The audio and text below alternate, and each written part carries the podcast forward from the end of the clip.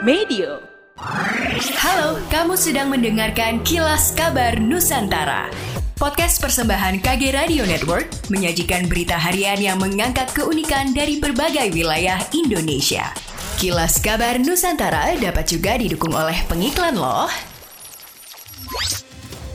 Pemerintah Provinsi Sulawesi Selatan bersama Kodam 14 Hasanuddin dan Polda Sulawesi Selatan menjalin sinergitas untuk menjaga kestabilan roda pemerintah sosial politik di setiap tahapan pemilu. PJ Gubernur Sulawesi Selatan Bahtiar Baharudin mengatakan dukungan TNI dan Polri sangat berperan penting dalam menjalankan amanah sebagai penjabat Gubernur Sulawesi Selatan selama setahun mendatang. Hal senada juga diungkapkan Pangdam 14 Hasanuddin Totok Imam Santoso mengenai kesiapan jajaran TNI dalam menyongsong perhelatan pemilu 2024 mendatang. Totok mengatakan mengatakan pihaknya telah membentuk posko dalam rangka mengamankan pemilu 2024. Posko disiagakan di seluruh korem sejajaran Kodam 14 Hasanuddin. Bahkan telah disiapkan ruangan pusat komando untuk memonitor kondisi daerah di wilayah kerja Kodam 14 Hasanuddin. Demikian juga Polri, Kapolda Sulawesi Selatan juga menitik beratkan pada situasi politik dan ekonomi nasional. Adapun Sulawesi Selatan menjadi barometer untuk kawasan Indonesia Timur sehingga perlunya sinergitas Pemprov Sulsel dengan kepolisian.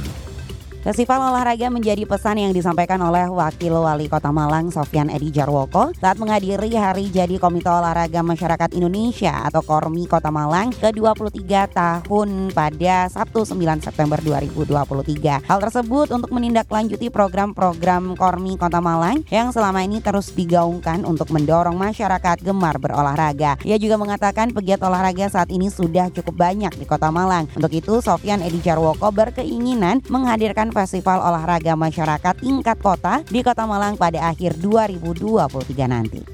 Bertambah lagi satu wahana bermain bagi anak-anak di kota Pontianak. Lokasinya di Jalan Tabrani Ahmad, Kelurahan Palima, Kecamatan Pontianak Barat. Selain wahana bermain, di sana juga menyediakan wisata rekreasi kuliner keluarga. Wali Kota Pontianak Edi Rusdi Kamtono mengapresiasi keberadaan wahana bermain tersebut, terlebih dengan lingkungan sekitar yang asri. Thomas Effendi, owner wahana bermain menjelaskan, pembangunan wahana dilakukan dalam kurun waktu satu tahun. Sebanyak 100 orang di diserap menjadi pekerja serta 13 pelaku UMKM dilibatkan untuk menjalankan wahana dan wisata kuliner itu. Pontianak terkenal dengan kekayaan kulinernya. Atas alasan itu, Thomas berupaya memikat wisatawan ke Pontianak dengan memperkaya wisata kuliner. Dirinya optimis hadirnya wahana bermain dan wisata kuliner mampu berkontribusi meningkatkan PAD Kota Pontianak.